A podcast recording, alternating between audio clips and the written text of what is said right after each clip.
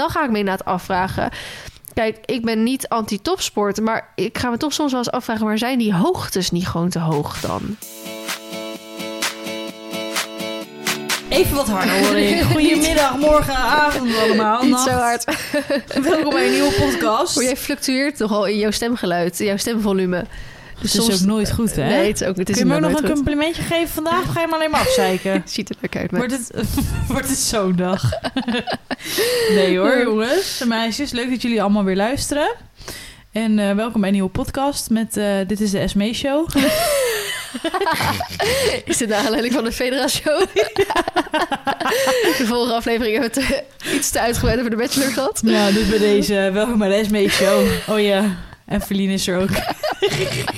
Grapje jongens. Welkom bij de heerlijke podcast. Feline is een beetje verkouden, dus je moet hem een Ja. beetje ontzien. Sorry. Lekker rustig, hè jongens? Prima. En ehm, dus ik zal eh, de show een beetje aan elkaar kletsen. Daarom heet het ook de SME Show. Misschien kan hier een leuk muziekje onder gezet Dit, dit, dit, dit. Circus muziekje, weet je. Oké, sorry jongens. Oké, en door. En door. We gaan vandaag beginnen met een... eh, Irritatie, een struggle of een anekdote. ik begin met een eh, irritatie. En dit is echt... Dit is hoog geïrriteerd gewoon. Maar echt hoog. Oh, spannend. Want het zijn, eh, dus wat ik in mijn vorige podcast heb verteld, nieuwe paarden op stal gekomen. Mhm. En volgens mij drie van de zeven paarden moesten springschoenen om. Nou hebben we eigenlijk bij ons op stal de regel dat als je binnen en buiten zet, doe je de springschoenen om. We doen niet dekens wisselen en dat soort dingen, Mhm. maar springschoenen dat kon dan nog wel. Baloo heeft dus ook, sinds dat ze ijzer heeft, staat ze ook met springschoenen. Want elke keer als ze geen springschoenen om heeft, dan trapt ze de ijzers eraf. Ja. Nou heb ik al vaak gehoord, zoek een andere smid, want daar heeft het ook mee te maken. Ja, oké, leuk, maar ik wil natuurlijk gewoon voor de time being liever niet dat ze elke week die ehm ijzers eraf trapt. Dus ze Mhm. heeft bij mij altijd springschoenen om. Succes trouwens met een nieuwe smid zoeken. Ja, Die, die mensen zitten allemaal vol. ja, I know. ja. En ik heb er sowieso, als we het daarover hebben, ik heb er liever sowieso weer bloot. Ja. Ik heb er liever niet meer op Kan ijzers. dat nog of niet? Ja, als het aan mij ligt wel. maar de dierenarts die zegt, nou hè. Ja.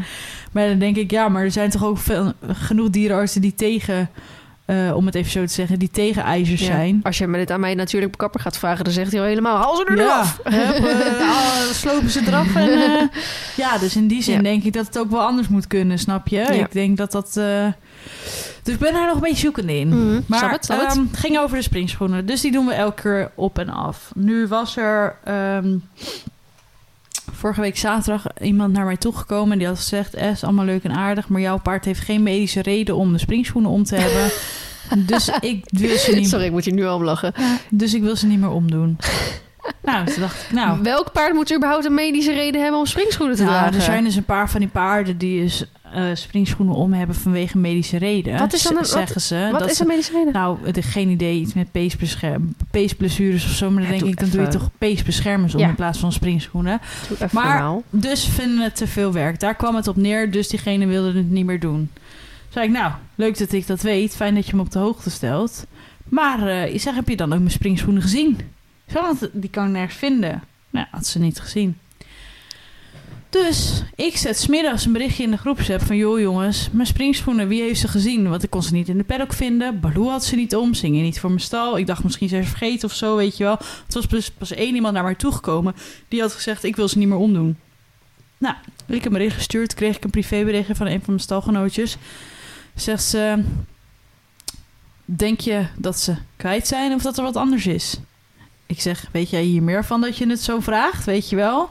Zei ze, nou, in de wandelgangen heb ik dus gehoord dat ze je springschoenen wilden verstoppen. Wat? Om ze niet meer om te hoeven doen. Wat? Zei ik, nou, mission failed, want ik heb godverdomme een hele kast vol met springschoenen liggen. Dus ze heeft alweer nieuwe om mee, weet je wel? Ja, ja. Zeg maar, het is toch kinderachtig dat als mensen da- dat dus de reden vinden, ehm, dat mensen dus niet eens naar mij toe komen, die moeite niet eens nemen. Nu was er dus eentje, één iemand wel naar mij toe gekomen. Zeg maar, dus dan gewoon kinderachtig die springschoenen gaan verstoppen. Ik zeg, nou, dat kan ik me niet voorstellen dat dat het geval is. Zegt ze, nou ja, hè? Ehm, ik weet het ook niet helemaal, maar dit is wat ik gehoord heb, dus het zou me niks verbazen. Dus ik ben heel die stal door gaan zoeken naar die springschoenen. Heel mijn stal ongemest, om, omgeploegd. Dan Mhm. misschien zijn ze daar, om wat voor reden dan ook. Maar ik kon het me niet voorstellen. Want vrijdagavond had ik springles gehad. Ik heb de springschoenen voor haar stal gehangen. Zaterdagochtend heeft Patrick buiten gezet. Die heeft alleen de springschoenen niet omgedaan. Schijnbaar vond hij het dus ook te veel werk. Niet gecommuniceerd met mij, maar dat is wat ik eruit haal. Maar toen hingen ze nog voor de stal. En zaterdagmiddag waren ze in één keer weg. Toen dacht ik, nou, die springschoenen hebben heus geen voetjes gekregen. Die zijn heus niet in één keer weg. En dat was ook de reden dat ik die oefenwedstrijd met die panter springschoenen omreed. Want ik kon dus nergens anders even die Ja, springschoenen vinden. Maar ik was daar best wel flink pissig over. Want ik dacht, nou, dit kan toch niet? Dus toen s'avonds had ik... ehm, ehm, ik had nog steeds niks op de app gehoord van eh, of dat iemand ze gevonden had. Of dat ze... Helemaal niks. Maar ik hoorde dus wel van ook andere mensen... dat er inderdaad gegrapt was om, te, om ze te verstoppen. Mhm. En dat ik ze dan maar gewoon 24-7 om moest houden. Want niemand, of tenminste, ze vonden het toch wel te veel werk om ze op en af te doen. Nou, toen wist ik natuurlijk ook al dat ik naar een andere stal ging. Dus ik dacht, voor de time being is het wel oké. Maar ik ben er geen voorstander van. Nee. Ik heb niet voor Jan Lul die springschoenen om. Ja, denk, ik, eh, denk je dat ik dat ook met de lol doe? Denk je dat ik het mooi vind? Mhm. Het moet gewoon makkelijk zijn en het moet gewoon werken. Dus ik was daar best wel een beetje gepist over. Nou, nu zijn we dus een ruime week verder. Die springschoenen waren nog steeds niet gevonden. Leanne had, ik zei tegen Leo ook van, kun jij ook eens kijken? Zit ik over het hoofd kijken? Nergens hadden we ze gevonden. Nu kreeg ik eergisteren een foto toegestuurd van mijn springschoenen in, een, in de stal naast Baloo. En die waren netjes voor, of, ah, in de stal neergelegd. Gewoon, ze lagen daar op het stro. Dus ik wist gewoon zeker dat ze verstopt waren. En al helemaal nadat ik dus die berichtjes al had gehad. Dus ik heb een berichtje in de groepsapp opnieuw gestuurd. Dat ik eindelijk mijn springschoenen gevonden had. Maar met de vraag welke grapjas het grappig vond om mijn springschoenen te verstoppen. Nou, je raadt al. Niemand heeft gereageerd. Nee, tuurlijk niet. Het is toch kinderachtig, Ja. Feline? Dit slaat Hoe oud zijn we nou? nergens op. Ik dacht echt, zijn jullie een stelletje kutkleuters? Ja. Kan ik zo pissig worden? Ja. Ga maar niet om die springschoenen van het tientje. Het gaat me om het feit dat één mensen niet naar me toe komen om het dus met mij te bespreken. Mhm. Want in één keer zijn er acht nieuwe paarden bij en eh, wordt het dus de normale routine maar omgegooid zonder enig overleg. Mhm. Daar sta ik al niet achter. En dat je als tweede spullen. Dat je aan iemand zijn spullen komt Ja. waar je niet aan hoort te zitten. En ze dan ook nog gaat verstoppen. Ik vind dat zo kinderachtig. Als ik er ook achter kom wie het wel heeft gedaan. Diegene is voor Sleur je mij. aan de nekharen over het echt. terrein heen. Dan word ik heel erg niet zo vriendelijk meer. Vandaar En dat ze ook niet durven te zeggen wie het dat was. Dat denk weten ik ze ook. denk ik ook. Ik denk dat ze echt wel weten dat ze een verkeer aan mij hebben. Hmm. Nou, en ik kan je vertellen, bij deze echt... Maak je echt met de grond gelijk. Ja, ik kan echt pis van worden. Ik word er nu, als ik Ja, het er zo weer over heb, kan ik er zo weer boos van Ja, worden. het slaat echt helemaal Zo kinderachtig. Nee, ik snap je volledig. En dan ben ik 25 en moet ik dus mensen die ouder zijn dan ik gaan vertellen hoe je volwassen moet zijn. Nou, wat kan fuck, echt jongens. niet. Oh my god, het is echt zo... Dus oh. dat was nog een bevestiging dat het heel goed was dat ik lekker naar een andere stal ga. Ja, Lekker rustig. ja. Helemaal zin geef je in. helemaal gelijk. af. Geef je helemaal gelijk. Ik had eerst een struggle, maar ik eh, ga er een anekdote van maken. Want mijn struggle was dat ik gisteren voor het eerst weer zonder zadel op Marley heb gereden. Dat ik nu voor het eerst in mijn leven spierpijn heb. Ja, jij hebt nooit spierpijn. Nee, dat is het. Ik heb nooit sport ook bijna spierpijn. nooit. Ja, maar ook als ik een keer wel iets, iets intensiefs doe, dan heb ik ook geen spierpijn daarna. Dan doe je het niet intensief genoeg. ja, ja, ja. Ga maar eens een keer mee met mij sporten. Nou, ben dat je drie dagen niet kan lopen? Oei, oei. Maar nou, nou goed, ik dacht, ja, dit is, dit is niet echt een boeiende struggle voor de rest. Maar, ehm, want ik, ik zat te twijfelen, heb ik het niet al verteld? Maar volgens mij heb ik heel even met jou gebeld en toen heb ik het aan jou verteld over dat gembershotje. Toch? Dat heb ik niet in de podcast verteld. Heb je dat wel aan mij verteld dan? Dat denk ik wel, toch? Ik heb laatst zo'n gembershot genomen, niet Ja, maar daarom, wij hebben het in de podcast daarover gehad. Ja, dan was het... Ja, dan En- heb ik verteld dat het een soort teringsmerig Ja, jij was. hebt toen verteld dat het fucking smerig was. Ik heb gezegd, nou, ik heb het nog nooit gedaan, maar het lijkt me heel vies. Toen hebben wij dus eh, afgelopen zondag, zal afgelopen, nee, die week daarvoor, hebben wij die speurtocht gehad. Ja. Voor mijn verjaardag Ja. dus. Ehm, toen was op een gegeven moment, net zoals het, het was de expeditie, weet niet meer hoe het precies heet, expeditie speurtocht of zo. Dus het was een beetje expeditie Robinson-achtige Mm. opdrachten zaten erin. Er zat dus ook zo'n eetproef zat erin. toen heb ik het nou dus zelf of niet Nee, verteld? Nee. Nou, toen waren er drie bakjes afgesloten op tafel. En dan moest ik eentje kiezen, Sterren één kiezen en Maureen één kiezen. Wat gebeurt er? Ik ga bij één bakje zitten. Die laat ik per ongeluk op een of andere lompe manier omvallen. En er rolt een chocolademuffin uit. Dus ik dacht, top, die is van mij. En dat was natuurlijk niet helemaal de bedoeling, dacht Anne. Want jij moet eigenlijk gewoon smerige krijgen. Dus Anne zegt, nee, nee, nee, nee, dit doen we opnieuw. Eh, omdraaien, we gaan ze weer alle drie verwisselen. Dus nou, prima. Ik ga weer zitten bij eentje. Verdomme, weer die chocolademuffin. ik zeg, ja, nu is het meant to be. Sorry hoor, maar ik ga toch echt die chocolademuffin eten. Nou, toen wisten Sterren en Maureen het waren. Zij hadden de smerige. Dus Sterren had een gembershortje. Maar Maureen dacht, ja, ik heb, uh, Maureen, eh, Anne dacht van, nou, ik heb in de podcast met jou gehoord dat Esmee zei dat die gembershortjes zo smerig waren. Dus ik heb er eentje voor vrienden gekocht. Ze had dus gehoopt dat ik die kreeg. En in die derde zaten van die, eh, ja, god, nu ben ik natuurlijk weer de naam kwijt. Je hebt zo'n spelletje, Ja, Bean die- Busselt ja, zo. oh ja. maar je, er zitten een paar tussen die wel lekker zijn. Die en zijn een paar die- prima. Ja. En het is ook zelfs van de smerige zijn ze echt nog niet eens zo heel Nee, vies. Er zitten misschien net van. twee tussen die wel echt... Niet erger dan een Nou, dus, wat gebeurt er? Ik zit lekker mijn chocolademuffientje op te eten. Sterren, die neemt dus zo'n shotje en die gaat helemaal slecht. Echt, die kop van haar, want Remke heeft foto's gemaakt. Het is fantastisch. Die gaat echt helemaal slecht. Die zegt ook, ja, maar ik heb het eerder gedaan. en Toen ben ik vol over mijn nek gegaan. Ja, dus ze zegt, echt van- vies, dus ze had nu een half slokje, een half shotje zeg maar genomen. En jij de andere helft. Dus, ze- dus iedereen zegt, ja, Vlie, jij moet dus nu de andere helft nemen. Want jij hebt nu zoveel geluk weer. Dus ik zeg zo, prima, kom maar op, doe ik wel. Dus ik neem, ik doe eerst even zo'n zo'n sipje, weet je wel. Je even, even te proeven. En ik dacht, Ha, valt wel mee. dit valt best mee. Nou, en daar... eh, En ik neem daarna dat, dat anderhalve shotje. En nog steeds, dit valt best mee. Dus ik weet niet wat er met mij gaande is. Huh? Maar ik heb dat gembershotje gewoon geneeld. Ik heb dat ding achterover geslagen. Sterren was nog steeds aan het doodgaan. Was en je- ik, had je ook kijk, geen pijn in je- Het brandde een beetje. Maar Een echt beetje. een beetje. Heb jij wel een normale schot dan? Jongen, is niet alles al weggebrand. Nee. is niet best hoor.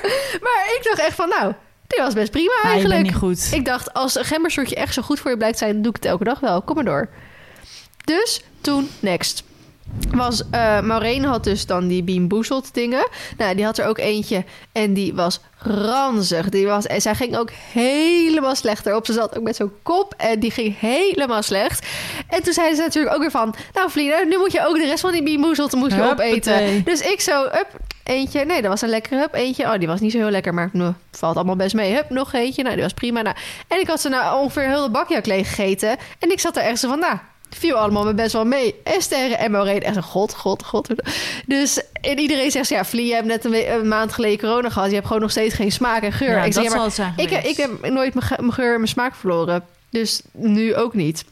Wat dus ik denk dat ik er gewoon heel goed tegen kan of zo, tegen die ranzige dingen. Het je is- ook zo goed tegen alcohol dan? Sterke shotjes? Nou, ik heb wel één keer... eh shotjes kon ik eigenlijk altijd wel tegen. Eh, hè, ook zo'n eh, tequila met zout en, en eh, niet, ik deed niet een suicide, maar gewoon een normale. Ik heb één keer stroot 80 eh, genomen. Dat was een van mijn eerste shotjes ooit. Want ik, ik zei dus tegen zo'n jongen uit mijn klas... we waren toen op- we waren toen op uitwisseling in Slovenië. En toen gingen we dus uit met al die Slovenen.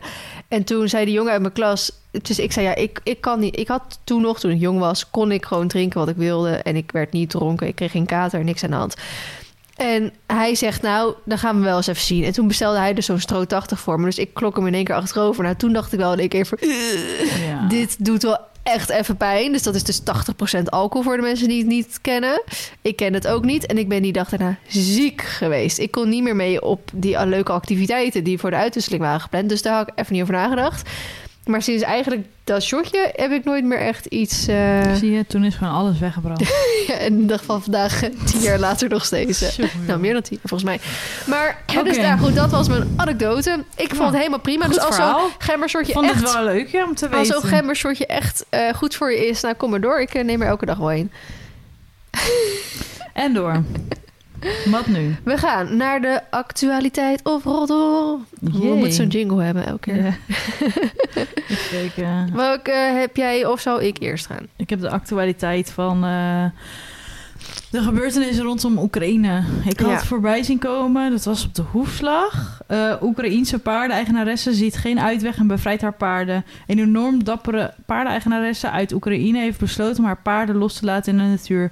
De oorlog in Oekra- Oekraïne is inmiddels al elf dagen bezig. Dus ondertussen dus een stuk langer. Maar Ja. en het einde is nog lang niet in zicht. De vrouw woont in Kiev, de hoofdstad van de oorlog. Eh, de hoofdstad waar de oorlog hevig is. En die mevrouw heeft dus gewoon haar paarden zeg maar gewoon de natuur ingelaten, omdat ze gewoon Ja. anders of zij wordt neergeknald of die paarden worden neergeknald. ja, nou, bizar. ik, ik kan er niet bij met mijn hoofd wat daar allemaal gebeurt. Nee, ik vind dat, je zo niet bizar. voorstellen. Ja, het is ook echt. Echt. Ik heb ook inderdaad een verhaal gelezen van een grote stal met echt 40 paarden of zo. Waarvan iemand die ik kende, die kende daar de eigenaar heel goed van. Maar die waren precies in het buitenland toen die oorlog Oh. uitbrak. Dus ze kunnen ook niet terug naar huis. Nee. Dus ze hebben nu twee grooms hebben ze op dat bedrijf zitten... die dus in de kelder eigenlijk leven. En die paarden, als het dan een beetje rustig is met knallen en zo... zetten ze even snel die paarden in de stapmolen. Dat ze dus wel even wat beweging krijgen. En dan weer hup snel naar de stal in. Zodat het vanuit de buitenwereld lijkt alsof die stal verlaten is. En dat is ook echt... En, maar ze kunnen niet weg met die paarden. Want buiten dat je fucking veel paarden... dus je kan ze niet in één vrachtwagen Nee. kwijt. En alle grenzen zijn dicht en dat soort dingen en zo. Maar Ja. oh my god. Dat zou je maar gebeuren, ja, dat is gewoon niet voor te Oh, stellen. ik vind, maar ik krijg daar ook helemaal kippenvel van. Ja. Denk ik, oh, Maar het kutte is ook inderdaad van weer van ja, wat, wat kan je eraan doen? kijk, het is voor, we hebben het nu alleen over de paarden, maar ook over al die Ja, de mensen, en over alle ja, ja. andere dieren. Het is echt gewoon verschrikkelijk. Ja, Ik vind het echt. ja eh, ik hoop het moet toch gewoon echt, stoppen. echt dat, dat Poetin even... Wat ik wel gehoord heb van nu meerdere kanten... is dat Poetin ongeneeslijk ziek zou zijn. Ja, en dat hij toch wel doodgaat. Dus dan wil hij liever met z'n allen dood. Nou ja, of dat, Dat hij gewoon met een grote knaller of zo eruit wil. Of dat hem toch niet meer boeit, want hij gaat toch al dood. Ja, maar dat is, toch Ja, geen de- de- die man is ook ziek in zijn hoofd. Ja. Ik hoop niet dat ik nu. Ik word nu... Feline de Jong. Ja. Nee. Wat zeg je over Poetin? Ja. Oh, nee, maar het is echt wel heftig hoor. Ja, ja, maar goed, dat is ook weer. Ik vind het zo heftig wat er gebeurt en zo lastig, maar aan tegelijkertijd wat kan je doen? Ik heb gedoneerd aan Giro Ja. 555. Ik heb er één keer even wat aandacht aan gegeven, maar voor de rest, ja, zijn er heel veel inzamelingsacties, maar Ja, we hebben echt wel heel veel geld opgehaald hè, in Ja. Nederland. Dus dat is wel natuurlijk heel positief. Maar het, het geld maakt niet gelukkig. opvangen en Geld dat maakt makkelijk. Maar ja. meer dan dat kun je toch niet doen. Nou ja, bijvoorbeeld eh, Suzanne, die ehm, gaat nu officieel samenwonen met haar vriend, waardoor haar huisje wat op het terrein van haar ouders zeg maar staat. Ja, komt vrijkomt. vrij. En Ja. daar komen dus, eh, komt een Oekraïns gezin in. Dat vind ik heel mooi dat je dat dan beschikbaar stelt. En dan denk ik, ja, dat zou ik ook graag willen doen als daar de ruimte voor zou hebben, maar dat heb ik niet. Ja. maar gewoon meer dingen van, oh, wat zou je kunnen doen? en zo. ja, precies. Ja, zo heftig hoor. Bah, Ja, moet er niet aan denken. Absoluut. Ehm, dan gaan we even door naar het roddeltje, het roddeltje, het ac- actualiteit eh, die ik had. En dat is dat de organisatie Dier en Recht heel lekker bezig is. Aan de ene kant, nou, heel erg vind ik negatief. Aan de andere kant hebben ze ook best wel wat punten waarvan ik denk, ja, daar kunnen we best op verbeteren. Want afgelopen weekend was Indoor Brabant. Mhm. Natuurlijk een van de grootste sportevenementen Van het van, jaar. van het jaar in ieder geval. Dat was natuurlijk weer, eh, dat was toen precies als eerste gecanceld, twee jaar geleden, omdat corona precies Ja. dat weekend was. En dat is nu ook weer als eerste evenement eigenlijk weer, omdat het weer mag allemaal. Dus dat is heel fijn. Maar wat had die recht gedaan? Die had allemaal van die eh, posters. eh, in de Ja, stad had hij dus ja. opgehangen met paardensport is dierenleed. Paarden kiezen er niet voor om topsporter te zijn. Ze worden met angst en pijn gedwongen tot extreme prestaties. Dierenrecht.nl.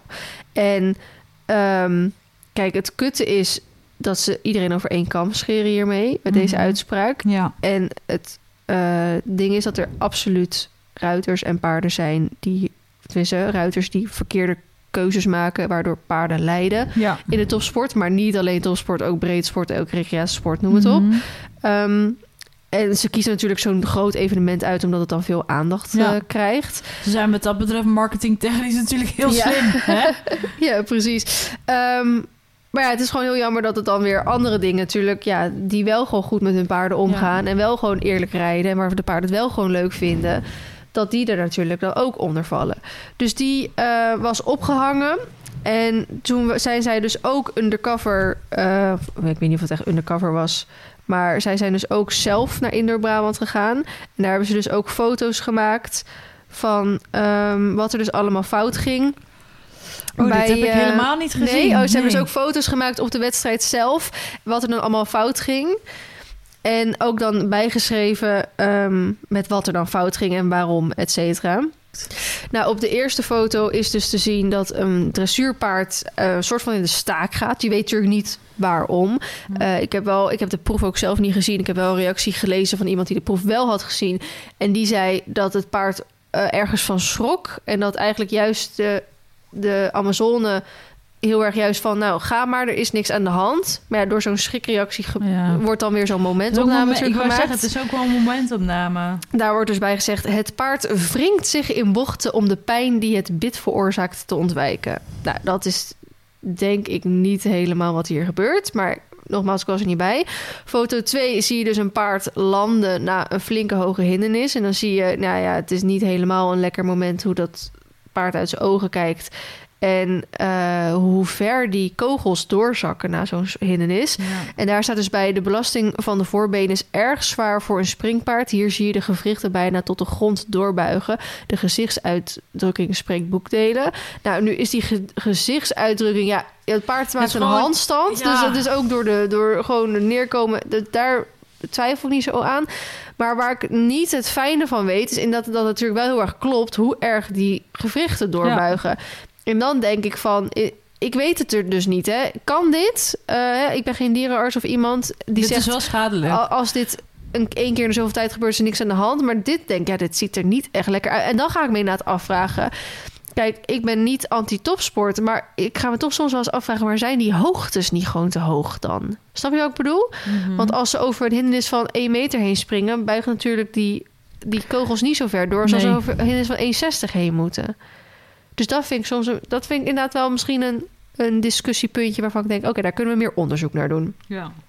Dan foto 3 is te zien een paard die ja, een soort van rolkuur eh, loopt. Ik, ik zie, het, lijkt, het, het doet mij niet lijken alsof het een gedwongen is. Het, het- ik vind de hand... Kan ook zijn dat hij zeg maar net zo aan het kopschudden was, ja, weet je wel? precies. Of even, kijk, nu is het binnen, maar bewijs van dat er een vliegje op de borst zat en dat het even Ja, jeukt of zo. even, ja. Dus want als ik naar de hand van de ruiter kijk, vind ik hem niet streng. Nee, lijkt wel heel vriendelijk. Dus eh, daar staat dus bij: het rijden van rolkuur is officieel verboden, maar wordt op het oefenterrein toegestaan. De opgetrokken lippen zijn een teken van ongemak. Dan vind ik foto 4 veel erger. Dus nou goed, even bij foto 3. Dat is dus ja, ook weer zo'n ding van... nou, wat, wat gebeurde er nou eigenlijk op dat moment? En dan foto 4 is inderdaad wel erg. Daar zie je gewoon iemand eh, met nou, stang en trends. Dus een dressuurcombinatie... waarvan het paard echt zijn bek flink open heeft. Eh, en ook echt wel ja, weinig eh, ademruimte op het moment heeft. En daar staat bij... het te diep rijden van paarden met hun kin richting de borst... is erg slecht voor de halsgewicht. Het paard doet er alles aan om de pijnlijke druk in de mond en achter de oren te vermijden. En bij deze inderdaad denk ik, ja, hier hebben jullie gelijk. Ik weet niet wat er op het moment gebeurt, maar dit eh, is in ieder geval even op dit moment niet goed te praten. Er is ook een filmpje rot gegaan, een rails volgens mij van een, ik weet even niet meer, eh, ik wil zeggen een Russische ruiter, maar volgens mij kan dat natuurlijk door de oor- oorlog niet. Maar er was in ieder geval een buitenlandse dressuurruiter, eh dressuur Amazone, die reed nog buiten de ring om. En die, ja, die paard liep ook flink met de kin op de borst. En zij zat ook een beetje te rukken en te plukken. En dat was ook van, nou, dit niveau... eh, dit moet je toch gewoon niet op Indoor Brabant... of elk ander internationaal evenement willen. Dus er zijn nog steeds heel veel verbeterpunten. En nog steeds elke keer hetzelfde liedje van... die juries moeten nu echt een keer gaan ingrijpen... op momenten dat het gewoon niet lekker eruit ziet. En we moeten meer eh, ja, accounts of ruiters... die wel het goede voorbeeld laten zien... eh, meer in het zonnetje zetten. Of dat meer als het voorbeeld zien in de hoop dat het eh, ooit nog eens beter gaat. Maar nogmaals, het is niet eh, alleen topsport. Want ik kom mede door mijn werk, of dat nou met Lied van Paardenopnames zijn, maar ook gewoon mijn eigen opnames. Of om wat voor reden dan ook, kom ik echt op veel stallen. Ik zie ik echt veel combinaties. En er moet heel eerlijk zijn, er zijn er maar weinig die ik zie waarvan ik denk, dit ziet er lekker uit. Ja. Ehm, en dat is dus gewoon allemaal breedte sport of recreatiesport zelfs. ja. Dus ik weet nog heel goed, was ik één keer, dat was echt al wel een hele tijd terug, was ik op een stal voor een video. En omdat het al heel lang geleden is, maak ik toch geen zak meer, want niemand snapt toch over welke stal ik of Mhm. waar, waar ik het heb.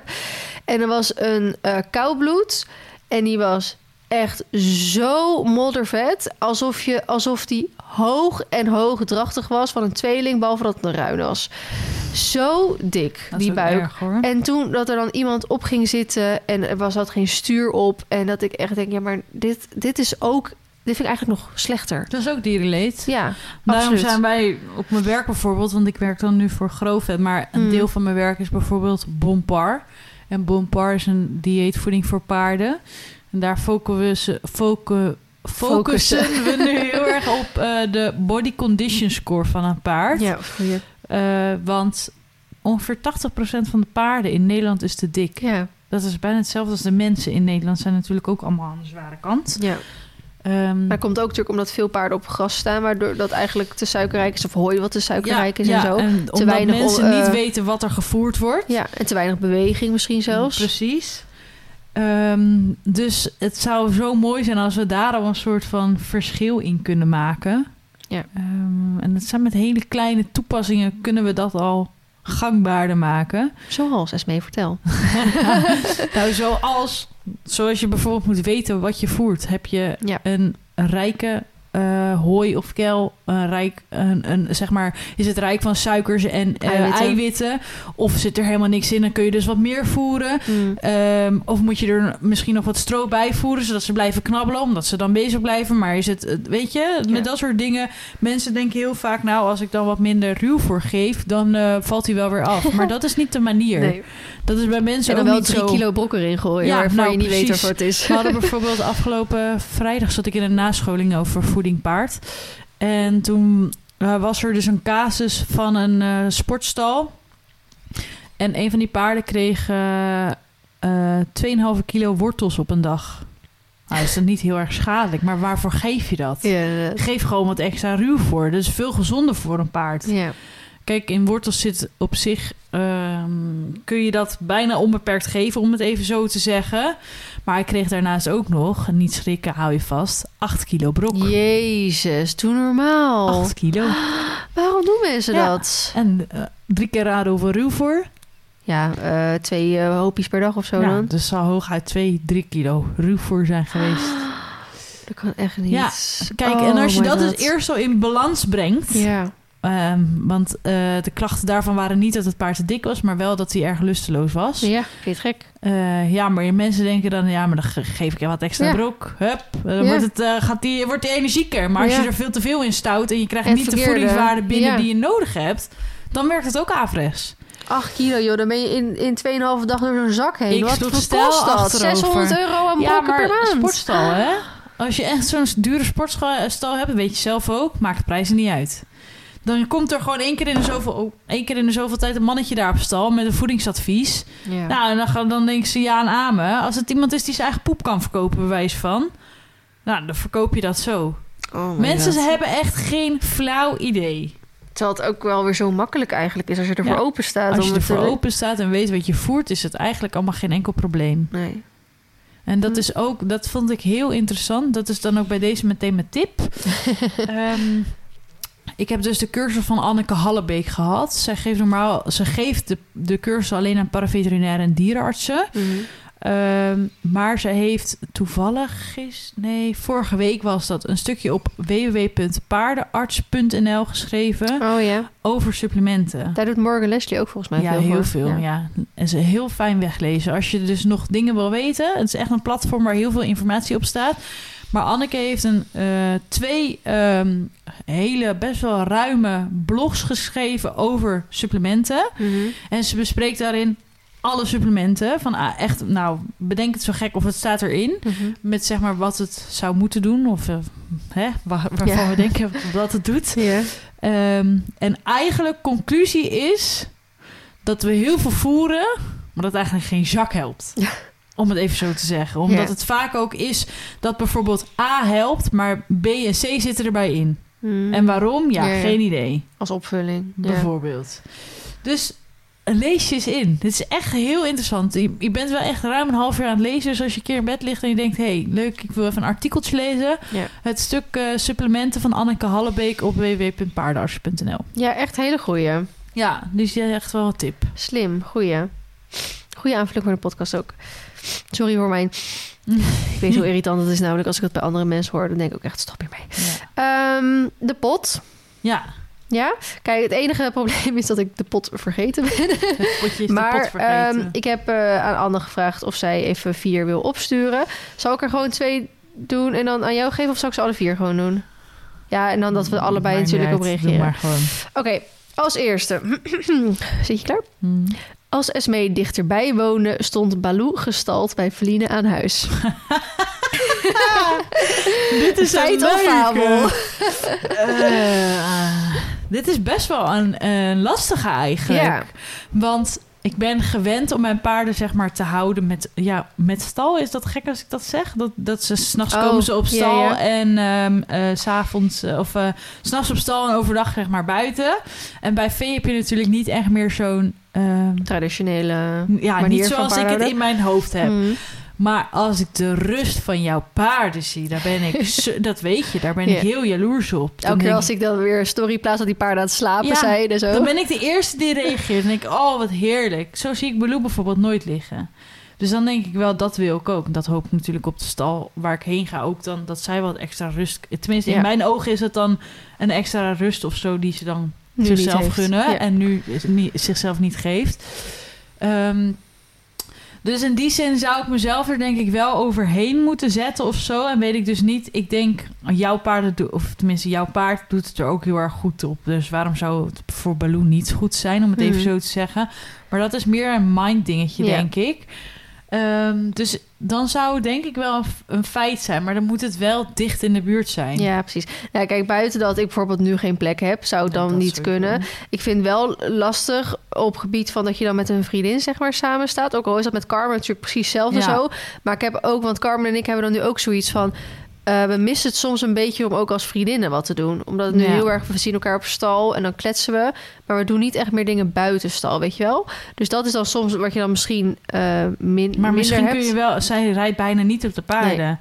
Ik natuurlijk wel. Ja, nou dat is, kijk, i- voorheen hadden we natuurlijk helemaal plan dat we samen gingen buiten rijden en dat we samen Ja. daarheen zouden gaan. En dat kan nu allemaal natuurlijk niet. Dus dat is natuurlijk heel erg jammer. Dus dat is dan iets waar, wat ik wel heel leuk zou vinden Ja. als jij bewijs van bij mij zou staan. Ja. Dat je dan samen echt op wedstrijd kan gaan, op buitenrit kan gaan, daarheen kan ja, gaan in en die zo. zin denk ik dat het een aanvulling zou zijn. Ja, Maar dan moet je inderdaad, dan moet inderdaad echt wel dichtbij, want dat, dat Ja, is niet... zelfs als ik bij jullie woon, zou ik niet zeg Nee. maar. Dan vind ik het nog te ver. Nee, dat is je? 50 minuten rijden. Dat Ja. eh, zou ik absoluut is niet even ver als nu, denk ik. Van hier naar jou. Ja, alleen het enige is, bij mij ga je niet al in staan. Je mag wel lekker helpen. Ja. En bij mij heb je geen eh, baklichten, s'avonds. Dat is natuurlijk ook wel een probleem. Dat, dat kan het voor mij al niet eens Nee. eigenlijk. Precies. Ehm, volgende, mening geven. Het zou beter zijn dat je eerst een grondwerkles krijgt in plaats van rijlessen. Hmm, moeilijke. Ja, vind ik. ik. vind hem heel makkelijk. nou ja, kijk, ja, grondwerkles, want ik wil gewoon dat je eerst een paard in de hand hebt. En leert hoe een paard denkt, hoe een paard Ja. beweegt, hoe een paard communiceert. Nou, ik denk gewoon eerst dat het voor iedereen die voordat je op een paard gaat, eerst eens leert hoe zo'n paard nou eigenlijk werkt. En Maar- wat je ook niet moet doen en wel moet doen. Ja. Maar ik was dus laatst met die, ehm, met die Go Social Business Club, dus op die stal of pe- pensionstal Pirouette of zo. Dat is echt helemaal next level. En die hebben dus zo'n heel ehm, simulatorcentrum dus nu boven, waar ze vier van die Otto eh, Hero eh, paarden Ja. hebben, weet je wel, van die mechanische beesten. En ehm, daarvan heb ik wel zoiets. Want ik, ik zag laatst weer van iemand een filmpje waarvan die dan zo'n zijn vriend op zijn paard heeft gezet en die dan moet gaan leren staan zitten, wat best wel moeilijk gewoon is staan Mhm. zitten. En dan weer iemand zo ernaast rennen en zo. En dan denk ik, dat vind ik eigenlijk meer. Eigenlijk zouden mensen eerst tien lessen op zo'n mechanisch paard moeten ja, hebben. maar ook eigenlijk moeten mensen eerst opzadelcursus krijgen. Absoluut. Hoe werkt een hoofdstand? Wat, wat doet een bit? Wa- wa- Wat gebeurt er als je je beugels indoet? Hoe strak moet een single? Nou, de hele shebang, zeg maar. En dan kan je op, je, op zo'n mechanisch beest... kan je dan Dus veel je houding goed leren. En vooral het zitten en zo gewoon goed. Dus ehm, ja, ik vind van wel. Ja. Maar of het nou grondwerk is of eh, die mechanische dingen... ja, allebei zou het mooiste zijn. Ja. Ja? Ja, ik ben, ik, ja, ben ik het er wel mee eens. Oké, fijn. Eh, dilemma. Met je vriendinnen weg van YouTube Weekje of met Esmee weg? Ja, dit is voor jou een heel groot dilemma. Dit is wel echt een... eh, ik denk oprecht niet dat ik hieruit kan kiezen. Maar het ligt ook heel erg wel aan eh, wat we gaan doen. Nou, dit vind ik wel erg hoor, dat je niet kan kiezen. Ja, maar het is allebei leuk. Ja, maar ik ben toch leuk. nee, maar ik, ik vind sowieso altijd als je voor dit soort keuzes gesteld wordt, hetzelfde als je paard of je vriend. Ja, denk ja, ik, ja. what the fuck. Ja, waarom moet je eruit kiezen Ja, inderdaad? Ik vind Waarom het, kan het niet beide? Ja, precies. Daarom, het kan ook beide. Dus ik ga hier gewoon geen eh, uitspraak over doen. Ehm, dan de laatste, mening geven. Een verplichte cursus over het houden van paarden... voordat, je, voordat iemand een paard koopt. Ehm, ja, Vind ik ook wel een goeie. Ja, maar ik denk ook wel echt onmogelijk om na te leven. Ja, Want iemand koopt gewoon een paard op zo'n paardenmarkt... of eh, krijgt er eentje van de buurman... of Ja. eh, niemand weet dat jij een paard koopt, hoor. nee. En hoe Wordt ga je nergens eh, geregistreerd of iets. Dus Nee. ehm, Ja, nu natuurlijk wel. Het is wel verplicht om via dat ja, dat, te doen. Maar dan nog... Ja, maar dat doen staleigenaren, hè? Ja, hoef je dat als particulier niet te doen? Nee, volgens mij niet. Dat weet ik eigenlijk niet dan. Maar goed, dus dat... eh, ja, kijk, het zou mooi zijn als het kon. Maar als het... eh, het is het is succes met hoe het eh, moet gaan doen. Ja, nou, dat precies, ja. Dan vind ik het misschien wel belangrijker dat je gewoon weet wat een paard nodig hebt en zo. Ja, in de basisbehoeften dus inderdaad hoe je hem Ja. goed voert en Ja, vrijheid. dat. En dat hij niet in zijn eentje moet staan. Dat En, hij niet de hele dag op zijn, in zijn stal staat en maar twee uurtjes buiten komt. Ja, precies dat inderdaad.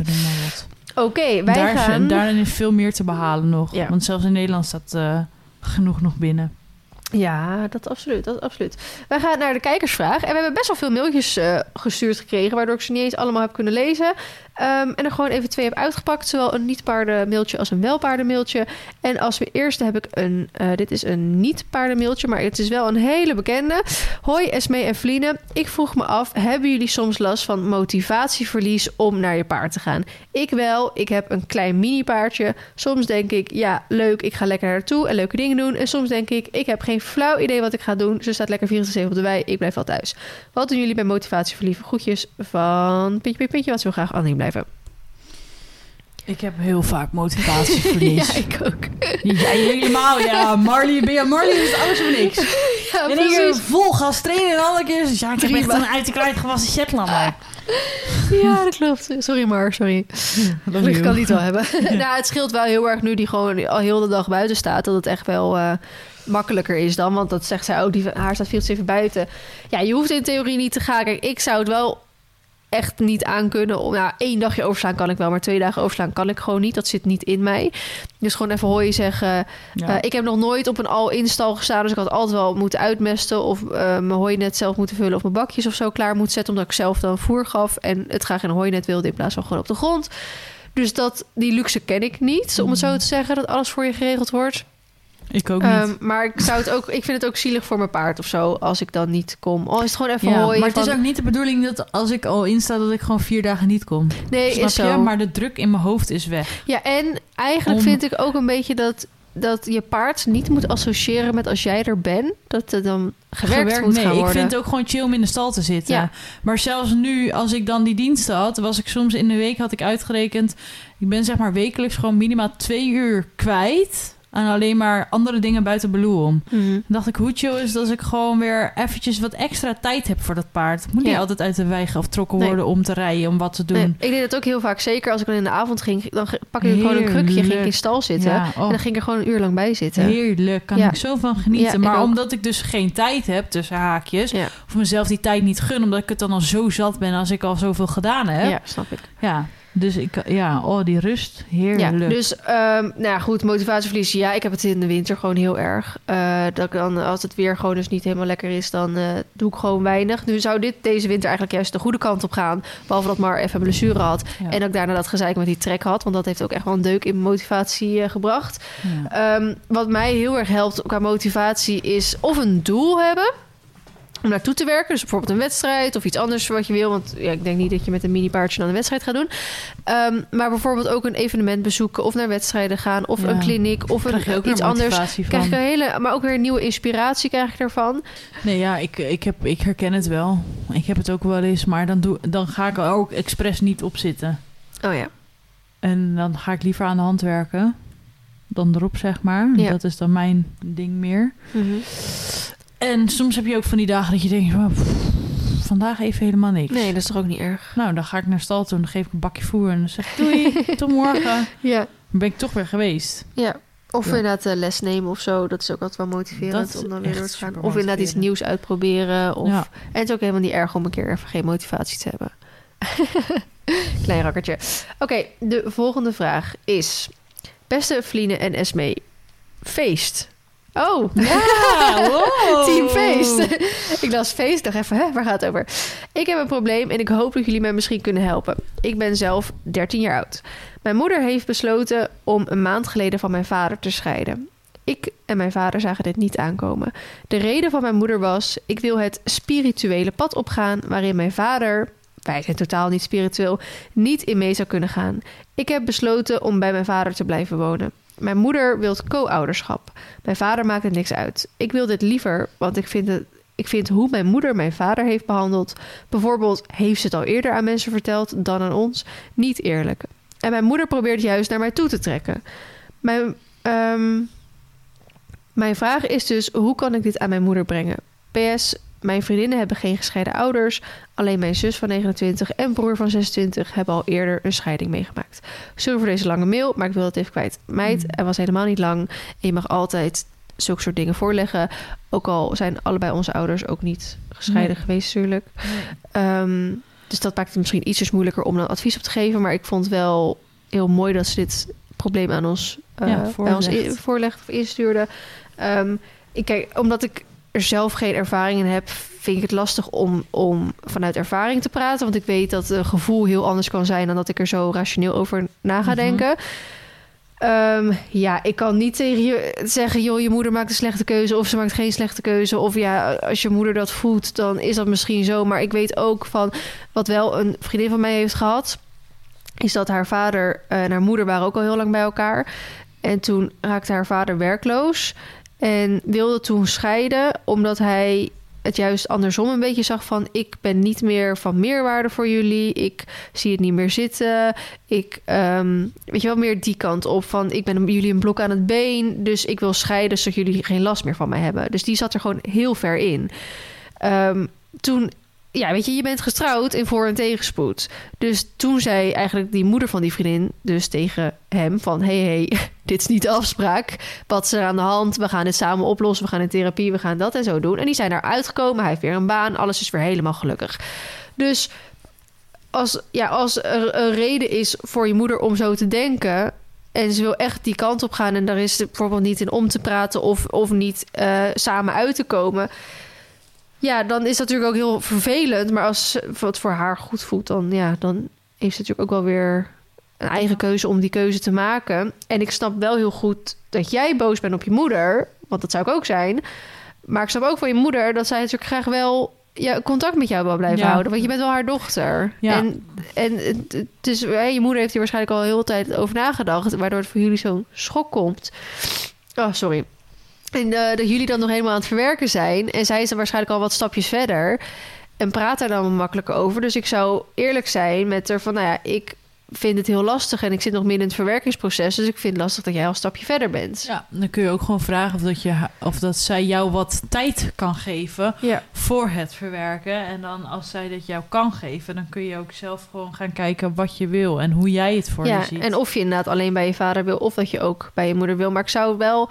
Het, het is nu emotioneel, je zit nu helemaal in het moment. ja, en je eh, vindt nu alles stom, om ja, het even zo te zeggen. Dus en dat begrijpen we heel goed. Je moeder kiest ook voor zichzelf. Dan mag jij ook voor jezelf kiezen. En als jij er zelf aan toe bent, dan. Maar ik zou niet het contact verbreken. Tenminste, dat, dat zo, zo lang mogelijk in ieder geval eh, het goed proberen te houden tot het eventueel niet meer gaat. Maar Ja. dat. eh, ja, zoiets is nooit leuk in ieder geval. Nee. En geef jezelf ook gewoon de tijd. Ik zou willen dat ik meer. Dat, maar dit is meer vanuit wat ik, wat ik denk dat, dat fijn zou zijn om als advies, advies te krijgen. Maar Ja. ja, ik Ja, we hebben allebei eh, geen gescheiden ouders, dus nee. dat is. Ja, ik zit ook even na te denken. Ik heb ook volgens mij van niemand echt dichtbij meegemaakt dat de ouders. Jawel, nee, dat is niet waar. Want de andere vriendin van mij, haar ouders zijn ook gescheiden eh, vorig jaar volgens mij. En toen had volgens mij de een ook al echt al heel snel een nieuwe vriend of Dat vriendin. lijkt me wel heel moeilijk. En dat vond ze wel echt wel heel lastig. En ze wilde ook echt geen contact eh, daarom meer met die ouder. Mhm. Ehm, wat ik ook begrijp op zo'n moment. Ja. Maar aan de andere kant is ja, het blijft misschien ook, toch ook je vader en je moeder. En dan zij moeten ook verder en ze hebben ook een leven. En daar hoor je nou eenmaal bij. En Ja. dat zou toch fijn zijn als je. hè? als iemand anders beslissingen maakt waar je dan zelf een soort van niet achter staat. Nee, terwijl je misschien wel zelf onderdeel bent. Ook Ja. al is het weer iemand anders zijn leven natuurlijk. Ja. Oh, deze verkoudheid is echt killing. Sorry. Oké, dan gaan we naar de laatste tip, ontdekking of quote. Nou, ik heb net natuurlijk al een tip gedeeld over paardarts.nl, maar ik heb nog een andere tip. Oh, spannend. Want dat heeft met jou te maken. Echt? Ja, ik heb net een cadeautje van jou gekregen. Oh. Zowel de riem als eh, de nieuwe polo. De Feline Fauve Romy Nee, polo. het is, staat er Vliene Foof op? Nee, toch? Oh, Ja, we, we, we stoppen met Foof. Het wordt gewoon Vliene Hooi. ja, dat is nog even wennen voor hoop mensen hoor. Maar er staat, het staat er toch niet op, mag ik aannemen? Nee. Feline Polo Romy heet hij. hij zit fantastisch lekker. Het is zo'n sport ehm, Stofje. eh, stofje. Ja. En voor degenen die het graag willen weten, ik draag de maat XL. Ik paste de L ook, want V had ze allebei meegenomen. Maar ik voel me comfortabeler in een XL. Ehm, dus het is net wat voor postuur je hebt. Ik begrijp, eh, want V zei ja, ik vind, hij, hij valt goed op maat. Laten we dat Ja. voorop stellen. Ja. Dat is zeker waar. Alleen ik vind het lekkerder als het wat minder aansluit aan mijn lijf. Dus ik heb voor een XL'tje gekozen. Ja, dat is precies dus eigenlijk een soort omschrijving. Want eigenlijk valt die precies goed. Ik zit altijd tussen een XS en een S in. Nou, jij zit dan tussen een L en een XL in. En ehm, ik vind dus de, XS, of eh, de S bij mij iets te ruim en de XS meer aansluitend. Ja. En ik hou dus wel van wat meer aansluitend. Ja. Dus ik kies dan voor de XS. En de S Ja. die zegt ik hou juist wel wat ruimer, dus die kiest dan voor de XL. Ja, precies. Daar komt het wel echt perfect op neer. Maar dat is mijn tip, want het zit fantastisch lekker. Ja. Wat kosten ze? Eh, ik ga voor 40 euro, dus 39,95. Hmm, prima Nou, ik, nou, daar kan ik ook wel even over zeggen. Ik vind de prijzen heel lastig. Ja, is het ook, hè? Want ik zit met een inkoopprijs. Ja. En dan zit je met een advies-verkoopprijs vanuit de leverancier. Mhm. En daar ben ik het soms wel mee eens, soms niet mee eens. Ik wil heel graag een betaalbaar merk zijn. Omdat eh, vanuit ook mijn doelgroep ook een beetje natuurlijk. Mhm. Maar zelf ook. Ik ga echt geen 50 euro aan een polo uitgeven. Want Nee. ze zijn ook goedkoper te krijgen. En, maar het ding is, ik ga mezelf gewoon zo gigantisch in de vingers snijden... als ik dan bijvoorbeeld op 30 euro ga zitten. Ja, had ik Want- met, zelfs met mijn polos al, hè? Ja, ja, maar ik heb natuurlijk wel grotere oplagen, waardoor Ja, je dan wel een wel. goedkopere inkoopprijs kan krijgen. Ehm, maar je gaat jezelf zo in de vingers snijden. En het is gewoon een hele goede polo. Ja, Het, de kwaliteit en Oh, de looks zijn heel goed. mooi Dus waarom, waarom Oh. zou je hem dan voor weinig geld erop zetten? En buiten dat, dat heb ik met, ook met de riemen gemerkt. eh, dat zijn dingen die moeten passen. Ja. En eh, dan heb je een hele grote kans dat je ze retour gaat krijgen. En bij mij moeten mensen zelf de retourkosten betalen. Ja. En ik heb daar één opmerking tot nu toe over gekregen. Nou, niet echt een opmerking, maar meer gewoon een vraag van... oh, zijn die retourkosten dan voor mij? In theorie zijn de retourkosten altijd voor de koper. Ja, alleen betaal je er normaal gesproken bij, in, bij je producten, toch? Nou, nee, ja, weet je, heel veel grote bedrijven hebben gratis retouren. Maar die halen zo'n hoge omzet dat het voor hun niet uitmaakt. En gewoon eigenlijk een extra businessmodel is. Want dan denk je, hé, dan kan ik het toch gratis retouren. Dus Ja. bestel ik gewoon wel. Maar ja, zo'n klein bedrijf als dat ik ben, met de webshop tenminste... eh daar kan je gewoon niet veroorloven. Want wat betekent, eh, jij, eh, jij koopt een product... daar betaal jij de verzendkosten van, logisch.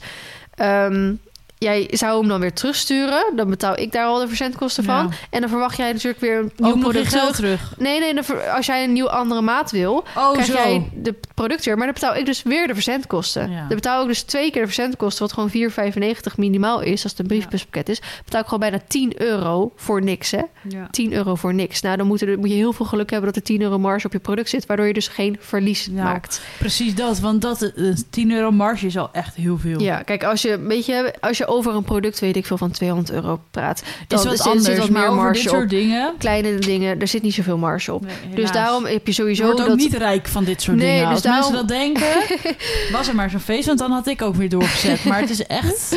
Ja, dus daarom ehm, moet je gewoon de, retourkosten zelf betalen. En als je dan een nieuw product door mij weer opgestuurd krijgt... dan neem ik inderdaad die verzendkosten wel op me. Want dat moet wel. Maar dat betekent wel dat er alweer 5 euro van mijn marge afgaat. Dat is echt en bizar. zeker met zo'n polo... ehm, dat gaat gewoon vaak teruggestuurd worden... omdat mensen dan een andere maat willen. Ja, daarom zei ik al, moet even foto's maken. Ja, moet daarom moet er gewoon een goede marge op zitten. Daarom wil ik eventueel aanraden... maar dan moet je er zelf achter staan... om bijvoorbeeld twee maten te bestellen... Ja. en dan eentje terug te sturen. Maar ja, dan is dus wel sowieso de retourkosten voor jouw rekening. Ja. Maar dan heb je dus niet weer ja, dat maar hele weer eigenlijk is het ook niet nodig, want het valt op maat. Punt. Ja, dat is het. Als je gewoon je eigen... ma- En, en nog steeds, eigenlijk als je bewijs van een maat te groot hebt... past hij nog steeds mooi. Is Ja. hij alleen ietsjes ruimer. Maar Ja. hij sluit heel mooi Ja, aan. het Waardoor echt, het eh, niet lijkt betreft, alsof je een eh, oversized product aan hebt of nee, zo. helemaal niet. Nee, Nee. nee, nee, nee, nee. dus helemaal tip. Ja. Tip, tip, tip. Thanks. Nou, jouwe? Eh, nou ja, mijn tip is eigenlijk echt totaal niet boeiend vergeleken met wat we allemaal al besproken hebben. Ehm, maar mocht iemand in ieder geval dat nog niet weten, dan is het wel een hele waardevolle tip. Maar je hebt gewoon, eh, kijk, iedereen weet dat de brandstofprijzen op het moment echt killing zijn. Ja. Niet normaal hoeveel je voor een fucking liter diesel betaalt. En ik heb het even over diesel, want Oh, jij ik rijd diesel. ja. En het Die ding is bijna is, even duur als daarom. de dinges, hè? als Kijk, normaal benzine. gesproken was diesel goedkoper dan benzine. En dat trek je een beetje recht als je veel kilometers rijdt, omdat een benzine duurder qua wegenbelasting is. Maar ondertussen zijn de dieselprijzen bijna even hoog als de benzineprijzen, waardoor je gewoon bijna evenveel betaalt en eigenlijk alle dieselrijders gefukt worden. Dus ehm, ik heb een app die je vertelt waar er in de omgeving de goedkoopste literprijs wordt aangegeven. En die app heet, dan moet ik hem even goed zeggen, Direct Lease Tank Service. En dit is niet de enige app. Je hebt volgens mij ook van de ANWB of van een andere heb je ze ook. Dus er zullen genoeg mensen zijn, want je hebt hier ook andere apps voor. Ik weet nou niet zeker of ik dit al een keer besproken heb. Ik heb het aan Esme nee, gevraagd, heb ze je zegt van niet. Nee. Ik dacht Niet van bij wel, maar goed. Eh, anders extra. Ehm, die laat je even zien in de omgeving. En dat is echt heel waardevol. Want als ik hem bijvoorbeeld hier zo in de omgeving aanzet... dan zie ik dat er twee tankstations bij jou in de buurt... al op 2,23 euro eh, 23 zitten en 2,25 zitten hier in de buurt. Mhm. En als ik dan iets meer richting eh, de weg ga... zit hij al op 2,18 dus dat scheelt al. En je ziet het ook met kleurtjes, hè? Je ziet het met rood, oranje, groen. Dus dan kan je gewoon zo, kan ik dan die groene Oh. aantikken. En daar is hij dan bijvoorbeeld 2,07 euro. Nou, dat scheelt dus gewoon al bijna 20 cent... met een tankstation die letterlijk een kilometer verderop zit. Nou, hoe Oh, dom zou je zijn als je dan naar die naartoe Ik rijdt? kijk sowieso altijd naar de goedkoopste prijs, hoor. Ja, maar hoe, hoe kijk je ernaar? Om er langs te rijden? Ja, ik weet hier in de buurt wel wat, eh, wat ja oké. goedkoopste Nou, is. dat is het dus als je bij... Maar inderdaad, als ik ergens anders rijd, ik heb geen idee wat bij jou het goedkoopste Nee, is. Dus dit is echt fantastisch. En jij Dit is zit echt natuurlijk ideaal. veel op de weg, dus... ja, eh, ja. Nou, ik heb het ook wel eens als ik dan eh, op de weg zit, echt op de snelweg zit. Want op de snelweg is fucking duur natuurlijk. Dan ga ik eventjes snel kijken van is er niet eentje toevallig bij een Ja. stadje of een dorpje net buiten de snelweg. Dat ik niet heel veel tijd verlies. ja. Maar dat ik wel veel goedkoper kan tanken dan aan de snelweg. Ja. Dus zo kijk ik er ook altijd wel even naar. Dus dat is even een dik tip voor mij. Eh zullen we afsluiten? En we zijn gewoon al 52 minuten bezig. Dus dat is een hemel. lekkere, We hebben zoveel geouwehoerd vanavond. Ja, maar ik ben echt trots op ons. Ik ook, maar ik ben het wel helemaal zat nu. Gewoon naar bed. Oh, ik wil afs- afsluiten met... Zullen we afsluiten met of we nog iets leuks gaan doen aankomende dagen? Ja, het is vandaag woensdag. Mhm. Even kijken. Morgen heb ik springles. Vrijdag heb ik een borrel. Zaterdag ga ik op concours. En zaterdagavond gaan we lekker de barbecue aansteken. Oh, lekker. En jij? Ik ga morgen gaan we eerst Suske ophalen. Oh, eindelijk weer. En dan ehm, ga ik dus middags bij die fokker kijken, bij de Mhm. paardjes. Zondag, eh, zondag, vrijdag ehm, krijg ik misschien al een nieuwe springzadel van Marley. Maar dan betwijfel ik dat het zo snel gaat. Maar in ieder geval mijn zadelpasser komt. En dan, ja, mijn springzadel ligt niet goed. Dus Mhm. dat eh, gaan we even aanpassen. Dan komt die eh, Iris van Gulik komt, eh, bij mij voor Marley. Omdat zij had dus op haar Instagram bericht gedeeld dat ze dus Ja, de route de route rijdt. En dat kwam echt langs Loenen. Dus ik dacht, hm, heb ik nog ergens een dierarts toevallig voor nodig? En Marley zit natuurlijk heel, heel vaak met dat oog. Dat zijn oog ontstoken is. En de, eh, ja, ik ben toen ik ben dan naar meerdere oogspecialisten geweest. En eigenlijk niemand kan het vinden.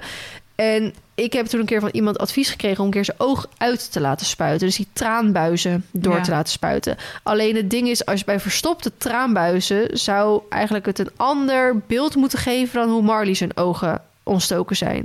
Mar heeft heel veel traanvocht wat lekt, juist. En bij een verstopte traanbuis zou je heel veel pus moeten hebben of zoiets. Ik weet het niet, het fijne ervan. En Mar heeft juist dat niet. Maar ik denk, ja, ik kan het op zijn minst proberen. Het is wel heel logisch, want hij krijgt bijna altijd ontstoken ogen als het heel erg gewaaid heeft. En eh, waaien is wel iets bij verstopte traanbuizen dat het dan dus juist gaat Ik irriteren. heb dus bij konijntjes zelfs traanbuizen leeggespoten. Echt? Ja. Maar goed, dus eh, mijn dierenarts die, die doet dat liever dus op de kliniek. Ehm, en ik had aan Iris toevallig gevraagd van... joh, doe je dat ook? En kan dat gewoon thuis? En zij zegt, ja hoor, dat heb ik echt nog van de week gedaan. Dus ik dacht, nou prima, kom dan maar even Mars traanbuizen doorspuiten. Is dat, is dat heftig? Ik weet niet of het is. Nee, maar het moet wel netjes stilstaan. Ja, dat kan niet wel. En als moet een beetje sedatie. Ja, ik, ik weet niet of ze met of zonder sedatie doet, maar mijn gevoel zou zeggen met sedatie. Ja, nou, maar hij laat, Maar hij laat niet, dingen bij eh, zijn ogen heel goed toe. Hè? Omdat dat hij, het- hij is al zo gewend dat er in zijn ogen wordt maar het gezeten. spuit zeg maar hier, want dat hebben wij ook. Als je zeg maar dit zo Ja. opent. Ik Ja. zit nu met mijn vinger bij mijn ogen, met even voor de luisteraars. Dan heb je hier van die kleine gaatjes. En daar doen ze een canule in, zoals dat heet. Maar dat zal bij een paard dus veel groter zijn dan bij bijvoorbeeld wat wij deden een konijn. Ja. En dan spuit je dat door en dan komt het, dat kun je bijvoorbeeld ook met vloeistof, met bijvoorbeeld een groene vloeistof doen. Ja. Dan kun je precies zien of dat het verstopt zit of niet. Ja. Want als het niet verstopt zit, dan zie je het gewoon uit zijn neus vloeien. En Ja. zal die het weg gaan slikken, want het staat natuurlijk in, met z'n allen in verbinding. En zit het wel verstopt, dan komt er zoveel druk op te staan en dan spuit het weer uit die canule of uit die traanbuizen.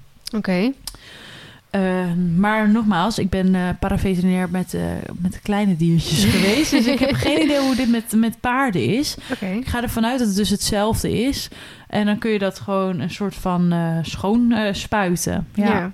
Oh, Alleen ik, ik weet alleen niet of dat het op dit moment helpt, omdat hij nu geen klachten heeft, toch? Nee, maar hij heeft echt... eh, dan heeft hij weer twee maanden niks. Dan heeft hij in één keer drie Ja. keer achter elkaar. En Ja, er is het is- echt geen pijl nee. op te trekken. Nee, dus in die zin weet ik niet. misschien stel dat hij al een beetje verstopt zit, dat het nu al een trigger kan zijn om het eventjes allemaal los te spuiten. Ja, daarom ik dacht ik kan maar even preventief. Maar, We gaan het gewoon proberen. En ik denk dat Iris het wel heel leuk vindt bij jou, hoor.